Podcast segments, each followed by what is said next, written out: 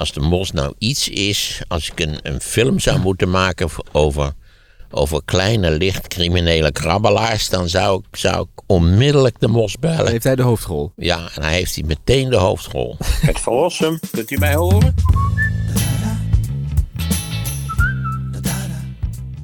Wat, wat ook is, daar moet je een leuk stuk over schrijven.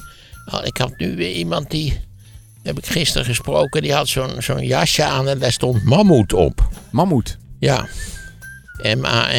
M-A-M-M-U-T. Ja. Maar nu heb ik al eh, de North Face, mammoet, Archaeopteryx. Dat is dat, dat skeletje van, dat, van die, eh, laten we zeggen, van die eh, oude vogel, die dinovogel zal ik maar zeggen. En, en je ziet steeds merken en je denkt, wat, dat is de, waar- waarom heet het in godsnaam mammoet? Is dat speciaal voor dikke mensen of zo? Nee. Of voor zwaarbehaarde mensen? Nee. Nee, het was een hele slanke, normale jonge man dus. Mammoet ken ik ook niet, nee. Sterker nog, ik vind het onbegrijpelijk dat al die mensen dus bereid zijn om dik te betalen voor een kledingstuk waar reclame van de producent op staat. Namelijk Mammoet. Dat zou ik nooit doen. Dan heb je heel veel G-Star. Heeft ook van die hele grote, staat groot op het... eh op Je toch gek als je er zoiets koopt? Ja. Hè? Stel voor dat je alleen in een Audi mag rijden als je de hele dag truien met Audi op de borst eh, eh, aan moet trekken. Dat zou toch idioot zijn? Ik, ja, ik moet er niet aan denken zeg. Nee. Maar goed, de kleding die jij draagt zal ook een merk hebben. Alleen staat het niet groot op de trui. Nee, want dan zou ik het niet dragen. Nee. Ik kan je zo vertellen waar het allemaal vandaan het is. allemaal HEMA. Maar is Hema ook het merk? Gewoon Hema Nee, huis? dat zal ook wel gemaakt zijn door hele zielige kinderen in Bangladesh of in China of, of in, noem eens een godvergeten uithoek van de planeet. Ja, dat weet je natuurlijk ook nooit hoe dat zit. Ik weet niet of HEMA eh, eh, eh, humaan bewust inkoopt, daar heb ik geen idee van. Er zijn nog wat vragen binnengekomen of jij nog eens over je studententijd wil vertellen. Hoe Alweer? echt- Ja, Mijn dolle studententijd. Ja, nou, het was, moet ik er direct bij zeggen. Eh, moet dat nu of nee, doen het we mag het? ook anders wat jij wil. Maar, maar- Oh, wat we hebben nog verder nieuws van de week. Ik wou nog een, een positief nieuwtje van de week. Of, Oh. ik weet niet of je het positief of negatief moet zien. Of puur vanuit de nostalgie of historisch bewustzijn. Dat weet ik niet. Maar gisteren of eergisteren liep de laatste eh 747 van de band. De, de, de Jumbo, de Jumbo-jet zal ik nou maar zeggen. ja.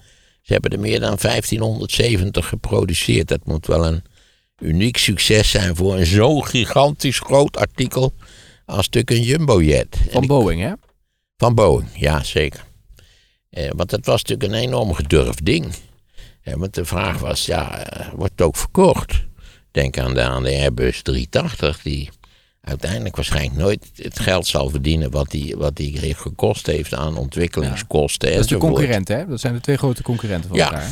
Ja, want, want eigenlijk op het moment dat die, dat die eh, Airbus eh, ging vliegen, begreep iedereen eigenlijk dat widebodies met twee motoren eigenlijk al, al heel goed waren. Dat misschien ook het hele hub-systeem misschien ook niet de beste uitvinding ter wereld was. Het hub-systeem is dat je een paar hele grote vliegvelden hebt. En dat, dat, die, dat hele grote vliegtuigen naar hele grote vliegvelden vliegen. En dan al hun passagiers daar loslaten. En die stappen dan over op iets kleinere toestellen. En die gaan dan naar de bestemming. Maar heel veel van die, van die eh, tweemotorige widebodies. En dat geldt zowel voor, voor Airbus als voor Boeing. Die kunnen min of meer onbeperkte afstanden vliegen. Dus die vliegen moeiteloos van Amsterdam naar, eh, weet ik veel, eh, over de Pool. Naar, naar, naar de westkust van de Verenigde Staten. Dus dat, dat speelt eigenlijk niet meer. Dus die, die Airbus 380, dat, ik weet niet precies hoe het nu zit met de verkochte exemplaren. Maar ik dacht ook dat de productie, al, al dat ze al weten dat ze met de productie gaan staken. Maar dat was allemaal natuurlijk niet duidelijk toen de Boeing eh, 747 op de markt kwam in 1969. Want eigenlijk heeft dat ding, het, het, hele, het hele vliegen, eh, voor normale consumenten. Kijk, vroeger was eh, vliegen voor rijke stinkers, zoals je weet. Minder, minder rijke mensen moesten met een roeiboot van Europa naar de Verenigde Staten met alle risico's van dien. Maar als je geld had, dan kon je vliegen. Overigens nog in mijn hele jeugd, voor zover ik me kan herinneren, vloog je eerst van Amsterdam naar Shannon. En van Shannon vloog je naar iets in Newfoundland. En vandaar kon je dan naar New York vliegen. Dus hij moest twee tussenlandingen maken om, om in feite te behouden in, aan de Atlantische kust van de Verenigde Staten terecht te komen. Uh, Shannon was in Ierland, dus ook wat. Op een goed moment hield dat gewoon op en dan ligt zo'n vliegveld daar, daar komt nooit meer iemand. Hè? Je weet niet eens waar Shannon is waarschijnlijk. Nee, daar heb je het al. Nou. Um, nee, tegenwoordig kunnen ze eigenlijk overal heen vliegen, voor zover ik weet waar ze heen willen vliegen. Je ziet nog vaak met een tussenstop op Rijkjavik. Ja, en bovendien zijn die twee motorige whitebodies, die zijn veel goedkoper te exploiteren dan, dan de Jumbo. Die is viermotorig. Uh, en dus ook wel wat onzuiniger in allerlei opzichten. Dus hij wordt uitgefaseerd. Een vreselijk woord, maar ik, je begrijpt wel precies wat er aan de hand is. En hij is overigens ook nog goed bruikbaar als vrachttoestel. Kennelijk kan dat kan dan wel, want een aantal vrachtmaatschappijen blijven gewoon vliegen met de 747. Maar ik begreep dat toch sommigen ook wel aan het eind van hun carrière gesloopt worden. En dan nog een hoop interessant materiaal natuurlijk uh, opleveren. Maar ik zeg het ook vooral omdat het eerste vliegtuig waarin ik ooit heb gevlogen was een 747. En dat was in 1974 en ik ging voor het eerst naar de Verenigde Staten. En ik was zo nerveus over deze hele procedure.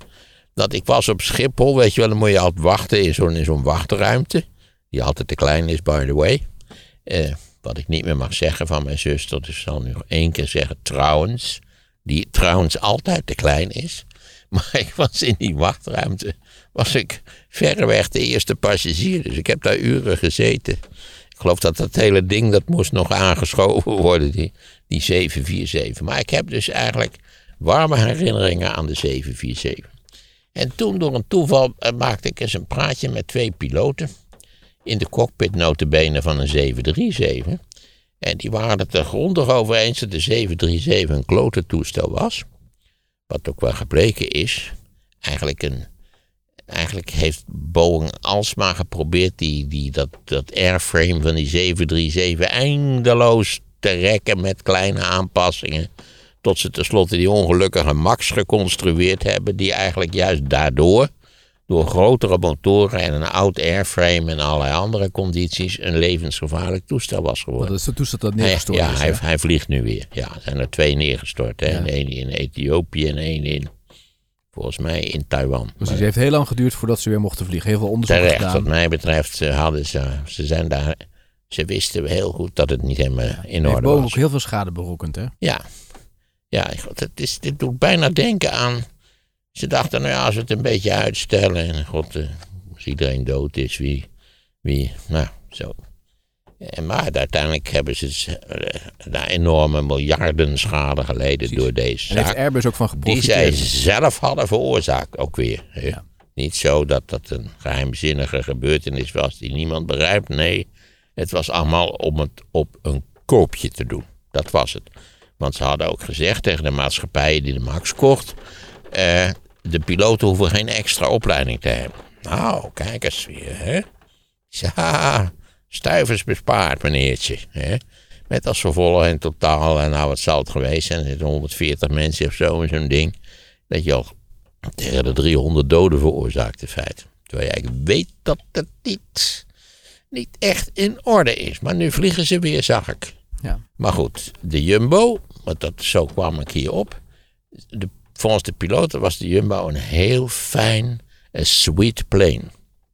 Een heel fijn toestel om te vliegen. Toen zeiden zij dat eigenlijk hoe groter het toestel, hoe fijner het om was om ermee te vliegen. Ik kan het verder totaal niet beoordelen en misschien zijn er piloten in onze luisterkring. Dus misschien kunt u daar eens iets over zeggen. Wat zijn nou fijne vliegtuigen om in te vliegen? Net zo goed als je auto's hebt die ongelofelijke klote auto's zijn. En je hebt auto's waar je je direct in thuis voelt. Die rijden lekker, ze zijn stil. Nou ja, dan valt niets op aan te merken. En waarom zijn ze fijn? Dat is ook ja, dat is natuurlijk hoogst interessant om dat te weten. Ja. Natuurlijk is die 747 ook aangepast in de loop der tijden. Zie je ook aan de motoren. Die aanvankelijk ziet dat er heel klein uit. En dan krijg je die high bypass motoren die veel efficiënter zijn. Er ik ga niet uitleggen waarom dat zo is. Eh, maar toch, ze zijn ermee gestopt. Maar ik heb er warme herinneringen aan. Ik moet even vertellen dat het regent bu- buiten. Dus het is niet zo dat ik zit uit te tikken wat Maarten allemaal vertelt. Dat denken mensen wel eens. Het is geen typemachine, maar het is gewoon regen dat op het dak valt. Ja, Dat is je weet geluid. dat als je letterlijk uittypt wat mensen zeggen, dat, dat is verschrikkelijk gewoon. Het is heel lastig om een goed interview te houden, A, en B, om het ook zo op te schrijven dat het goed leesbaar is. Dat is echt, dat is echt een kunst. Journalisten hebben altijd zo'n kastje bij zich waar ze het mee opnemen dan. Ja, zeker, ja. En eh, met enige regelmaat word je dan s'avonds panisch gebeld van... Ja, er staat niks op het opnameapparaat. Kunt u het nog even kort samenvatten? Maar ja, dat is ook, moet ik zeggen, een van de grote voordelen van mijn wijze van spreken. Dat het zich uitstekend kort laat samenvatten. Je kunt eigenlijk meestal beter in drie regels uit. Is dat zo? Volgens mij wel. Ja. Zullen we even nog samenvatten van wat we tot nu toe allemaal gezegd hebben? Nou, dan kom je in heel eind. Ja, de Nederlandse overheid over, eh, eh, werkt niet erg efficiënt. Eh, een reeks van problemen die de overheid zelf heeft veroorzaakt, blijken min of meer onoplosbaar te zijn. Wat zouden we daar moeten doen? Een commissie, vergelijkend onderzoek en eventueel een ingrijpende hervorming van de Nederlandse overheid. Nou, het zijn wel een paar Maar zinnen. het probleem is dat je steeds zit met, met ingrijpende hervormingen. Eh, neem het lezen, schrijven en rekenen, waar we dus in de internationale lijsten steeds verder wegzakken. Hoewel ze nu in Nederland nieuwe berekeningsmethoden hadden ontwikkeld, waardoor het eigenlijk niet zo opviel. Ook, hè? Ook, je lost het probleem gewoon langs een andere weg op. Je, je, je, je benoemt de criteria iets anders. Ja. Dus we lezen nog steeds heel slecht. Alleen uit het rapport blijkt, zijn de criteria net wat anders Ja, en bovendien dat, dat die, die veel positieve rapporten over andere landen, dat dat oplichterij is. Hè, begrijp je wel? Dat schreven ze ook. Nee, dan goed, dat werd ze gesuggereerd. Oh. Dat die fantastische cijfers, je kent de fantastische cijfers in Singapore, en Taiwan en, en Japan en zo. Eh, dat dat dan toch, toch eigenlijk niet klopt als je het nauwkeurig gaat bekijken. Ja. Nou, het is echt een heel groot probleem. Er zijn echt mensen die overheidsbrieven gewoon niet kunnen lezen. Nee, die zijn ook meestal in lamentabel proza gesteld. Dat moet je toch zeggen. Nou, neem de bekende troonrede natuurlijk. Meestal een diep treurig stemmend stuk. Ik bedoel, niet inhoudelijk direct, maar vanwege de vorm. Maar dat gaat Dat kan ook in normaal. Nederlands worden geschreven. Het is Ja. dat van het, van het verbalisatieproza. Maar het gaat ook om brieven die je gewoon van de gemeente krijgt. Er zijn heel veel mensen die daar niks van snappen. Of van de Belastingdienst of van Ja. eh, de RDW. Ja. Ik heb al het probleem met die webpages dat ik. Die zijn dan zo groot dat ze niet in één klap op je scherm passen. Van je computer. Met als gevolg dat ik de onderste 30% niet gezien heb. Je kunt toch naar beneden scrollen? Ja, dat doe ik dan wel, maar het eerst denk ik gewoon, dit is de pagina. En dan denk ik, hoe moet ik nou verder? En dat blijkt pas zichtbaar te zijn. Dus maak die pagina's wat kleiner. Of zorg ervoor dat de essentiële venstertjes waar je op moet klikken, dat die meteen zichtbaar zijn. En niet helemaal onderaan de pagina. Maar dat is toch de essentie van internet, dat je moet scrollen om weer verder te kunnen naar iets Ja, anders. maar goed, als je denkt, ik heb die pagina wel, je hele scherm staat dan vol met allerlei poppenkast. Hè? En, en dan blijkt eigenlijk dat helemaal, helemaal rechts onderin staat een veld waar je op moet klikken om, om, om ga, ga verder. Hij staat er dan meestal. Hè? Mensen Of uit de- naar afrekenen. Ja. Richard de Mos, eh, de eis van het OM is twee jaar. En er zijn ook veel mensen in Den Haag, waar vaker geluisterd wordt naar deze podcast, die vragen... Maarten, wat vind je daar nou van als je dat allemaal zo hoort van de Mos? Ik moet zeggen dat het me totaal niet verbaast. Het spijt me. Als de mos nou iets is, als ik een, een film zou moeten maken over, over kleine, licht criminele krabbelaars, dan zou ik, zou ik onmiddellijk de mos Dan bellen. heeft hij de hoofdrol. Ja, en hij heeft hij meteen de hoofdrol. Je weet dat hij. Ja, loopt zo'n café binnen met zo'n assistent. En van, joh, eh, ik zie dat je van die maar drie stoeltjes buiten hebt staan. eh, zou niet wat meer stoeltjes buiten willen? Nou, zit die caféhouder, dan wil ik best. eh. Nou, zei hij, als je een beetje een. vragen zie je mijn assistent, misschien een donatietje of zo. dan komen die twintig stoelen er wel. Zo werkt dat, ja. Hij is gewoon verdwaald eigenlijk. Ik heb altijd begrepen dat België ongeveer zo in elkaar zit. Dat, je, dat je, ja, ritselaar. Wat, wat is de mos? Een, een, een geboren ritselaar. Ook een populist natuurlijk, hè, want ja, de overheid daar heeft hij niet zoveel mee te maken. Moet toch wel maar, maar jongen, vrije jongens onder elkaar. eh, Ja, dat. Dus nee, het heeft me nooit ook maar in de verste verte verbaasd. Wat is het gevaar van deze manier van omgaan met nou, dit soort zaken? Nou ja, dat het corruptie is.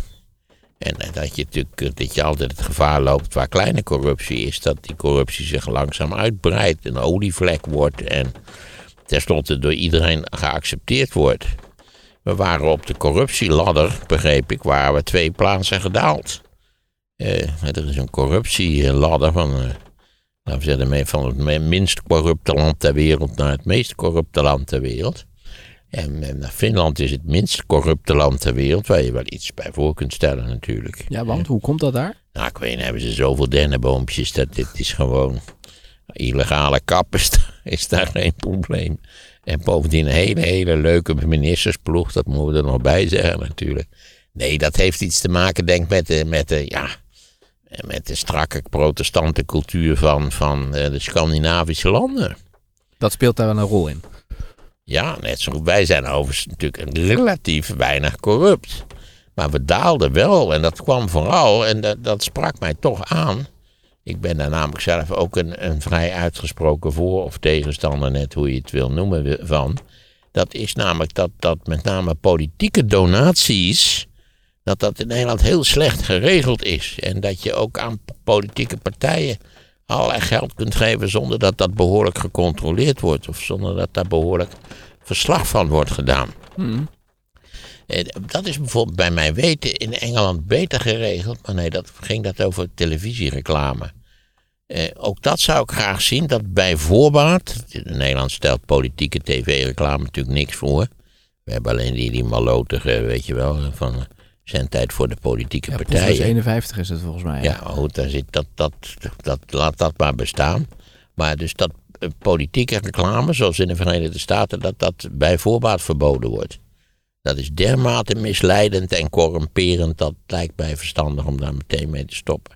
Dus zeg maar, het hele financiële traject rond de politiek. Denk aan, aan de Mos. Ja, ik noem hem Aad de Mos, maar dat schijnt een voetbaltrainer te zijn. Het is Richard de Mos. hè? Richard de Mos, dat is het ook. Ja, die arme Aad de Mos, de voetbaltrainer. Leeft hij nog of niet? Ja, ja, die leeft nog. Ja. Oh, die leeft nog, ja. Die wordt er natuurlijk ook op aangekeken. En zo, de Mos, kun je mij voor mij niet iets regelen? Zo, of zo. Nou goed, Richard de Mos. Dus kijk naar Richard de Mos.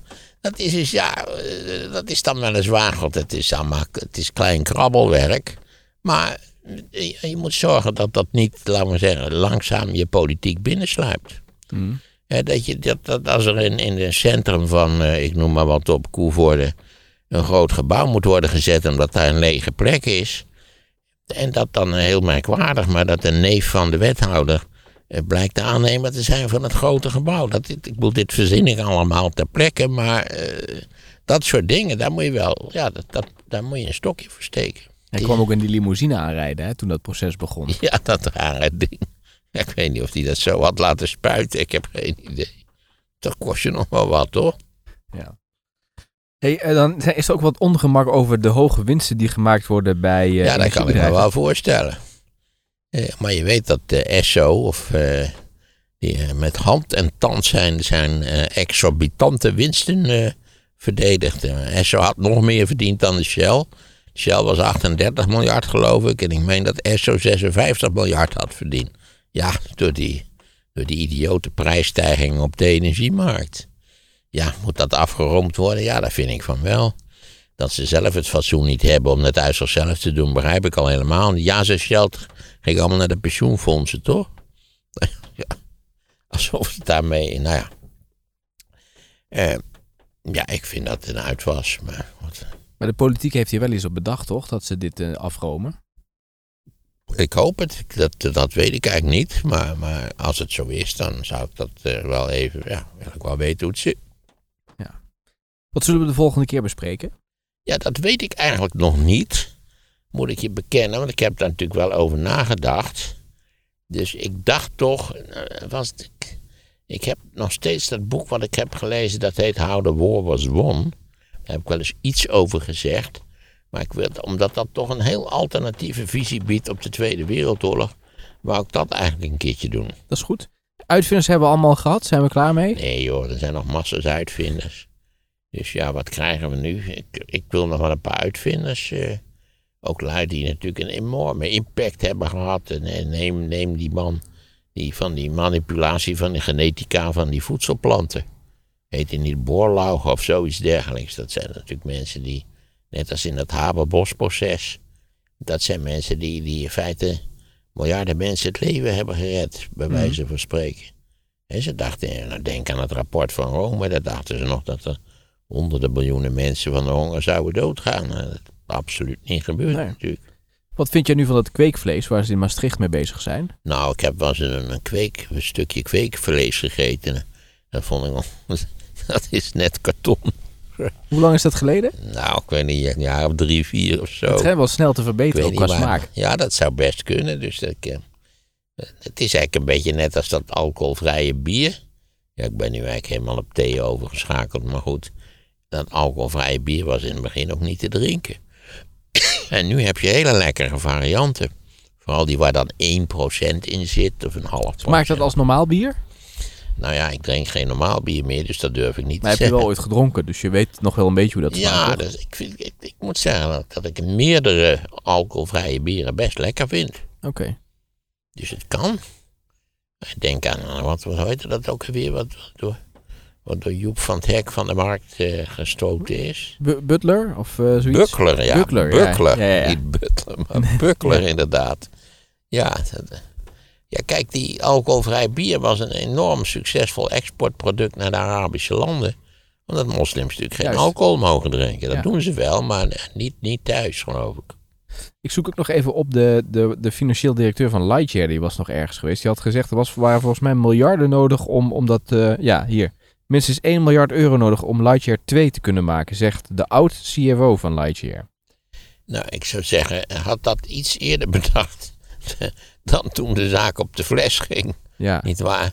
Want dat is natuurlijk een, een auto produceren, dat is een, eh, dat is een hele lastige klus inderdaad. ja. Ja. Weet je, het, eh, je kunt wel faciliteiten huren. Want niet voor niks werd volgens mij die, dat Lightyear ding in eh, Finland geassembleerd. Want ook diverse Porsche-modellen werden in Finland geassembleerd. Die overigens niet allemaal niet al te betrouwbaar waren, Nee. als ik het me goed herinner. Nee. Hij zegt ook in dat, hij is geïnterviewd dat het eh, lastig wordt om geld op te halen. Ook de komende periode door, door verschillende omstandigheden. En hij zegt volgens, eh, volgens mij is het faillissement voor een belangrijk deel het gevolg van het huidige risico- en investeringsklimaat. Dus inflatie bedoelt hij dan hoge rente en de geopolitieke onrust. Ik moet je zeggen, als ik nog vijf ton had liggen, dat ik niet over piekeren zou om met in Lightyear te investeren. Ik moet nog denken aan eh, Carlo van der Weijer. Dat is iemand van de Universiteit in Eindhoven. Die heeft dus als eerste, die zit ook in de, in de mobiliteit. Die dacht, leuk ideetje. Ik bestel zo'n auto voor anderhalve ton. Ik vraag me af, hij zal hem misschien nu net hebben. Maar ja, wat heb je eraan? Dat je... niks natuurlijk, want ik geloof dat er bij één exemplaar gebouwd is. Ja, er zijn, er zijn... Althans, de foto's en de onderschriften gaven aan dat er één gebouwd was. En toen was de stekker eruit getrokken, zoals dat heet. Ja. Maar ik vond het altijd een geschift idee dat je eerste productie bestaat uit auto's die 240.000 euro kosten. Ja, ja Dat is per natuurlijk- stuk. Dat is natuurlijk een beetje idioot, toch? Ja.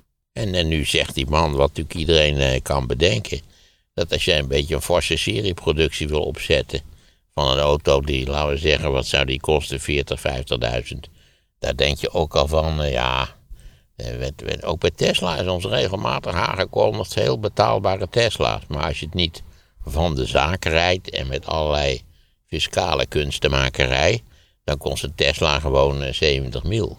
Eh, daar komt het op neer. Mhm. En ik heb al eens eerder voorgerekend dat het modale inkomen in Nederland is 37.000 euro. Mhm. Mensen die dat verdienen, bruto, hè, die kopen geen Tesla. Nee. Dat is wel voor de hand liggend. Daarom heb je ook echte Tesla-buurtjes. Als je er zo doorheen rijdt, denk je, oeh, staan hier wel 10% Tesla's, dan weet je al dat dat toch, eh, laten we zeggen, de top van de Nederlandse inkomenspyramide is. Nou, ik zie nu steeds ook wel vaker andere auto's tussen staan. Joh, als ik 39, als ik 37.000 euro per jaar verdiende, ja, dan wat kocht ik dan? Een tweedehands Dacia. Prima auto's, niks op aan te merken. Er zal misschien af en toe eens een stukje afvallen. Maar je weet dat ik ooit in een Cadillac eh, over Eldorado heb gereden, waar binnen vijf minuten een groot deel van het dashboard desintegreerde. Dus eh, van allemaal die stukken bruin plastic die ik in de hand hield. Heb je nog leuke optredens de komende dagen? In Snake. Oh, een Snake. Oké. Ja. Dus weer een lekker eentje rijden, hè, met de, met de niet Ga je niet eens een keer in, in, eh, in eh, eh, Carré of zo? Of in eh, eh, Oude Ik Luxor? treed in, in, in Utrecht op. Oude Luxor ben ik alles opgetreden. Dat kon ik niet vinden, herinner ik me wel. Wij konden wij niet vinden. En, je hebt daar ook zo'n kerk in Rotterdam. Daar ben ik heel vaak opgetreden. Ben ik nu even de naam van Oude kwijt. Luxor ligt toch... eh, het nieuwe Luxor ligt aan de brug. De nieuwe, de Erasmusbrug. Ik zit achterin. hè. Ik, ik ben al lang blij als, als de chauffeur zegt van... Volgens mij kun je zo hier naar binnen lopen. En dan moet hij, die arme jongen... Die moet een parkeerplaatsje gaan zoeken. Mag hij dan wel mee naar binnen of moet hij in de auto blijven wachten? Nee, zeker niet. Hij mag mee naar binnen. En ik, eh, hij wordt ook altijd goed verzorgd hoor. Met van frisdranken, eh, gezellige kantine, en, eh, praatjes met de dames. Nee, nee, nee. Het is niet zo dat het bij die ministers, die moet, die moet altijd in de auto voor blijven wachten. Die, Omdat die de minister altijd in paniek naar buiten kan komen op de derde wereldoorlog is begonnen. ja, ja, ja. Vooral de minister van Landbouw. Ja. nee, nee, hij gaat eh, heel gezellig mee naar binnen. Nou, dan zoeken we Vaak volgende. gaan ze ook zitten werken volgens mij. Nee, kom, ze hebben één keer naar mij geluisterd en ze hebben geen zin om eh, elke week naar mij te luisteren. Daar heb ik alle begrip van de wereld voor. Richard de Mos, dat is het ook. Ja, die arme Aad de Mos, de voetbaltrainer. Leeft hij nog of niet? Wat kun je zeggen van een eeuw waarvan pas 20% voorbij is? What came down? though? What came down? The, the crash. The other trade center's down. It's down. Begin het nieuwe jaar goed met een terugblik op de eerste jaren van deze eeuw. Verteld door Maarten van Rossum. Veel mensen zeggen, nou dat kan helemaal niet. Je moet gewoon wachten tot de eeuw afgelopen is. Maar dat is wel erg lang. En bovendien ben ik er dan niet meer om mijn gedachten erover te laten gaan. Het luisterboek download je nu via de link in de show notes. Je mobiele telefoon ziet er over een paar jaar heel anders uit. En dat komt door een nieuwe batterij. Luister naar het gesprek met Leiden Jar daarover in de podcast Sea Level. De link heb ik in de show notes gezet.